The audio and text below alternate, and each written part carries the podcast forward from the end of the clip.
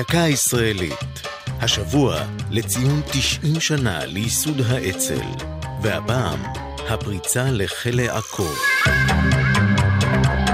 ב-4 במאי 1947 הגיעה קבוצת טכנאי טלפון לחמם אל-באשה שבעכו, כדי לטפל בבעיית תקשורת סבוכה.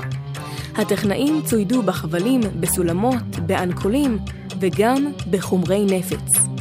היו אלה לוחמי האצ"ל, שהכינו את הפריצה לכלא הבריטי ששכן מעל לחמם הטורקי בעכו, במצודה צלבנית עתיקה. באותה עת היו כלואים בו כ-90 לוחמי מחתרות יהודים, יותר ממחציתם לוחמי הארגון הצבאי הלאומי. עם מאסרם החלו אסירי האצ"ל לבחון אפשרויות בריחה, ואספו ידיעות על סדרי האבטחה.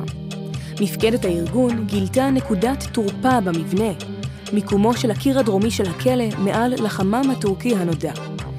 ביום הפריצה, סמוך לארבע אחרי הצהריים, הרעיד כל נפץ אדיר את חומות עכו, בו בזמן פוצץ אסיר את הסורגים, כשכוח אסירים אחר נאבק בסוהרים באמצעות רימונים שהוברחו עליהם מבעוד מועד.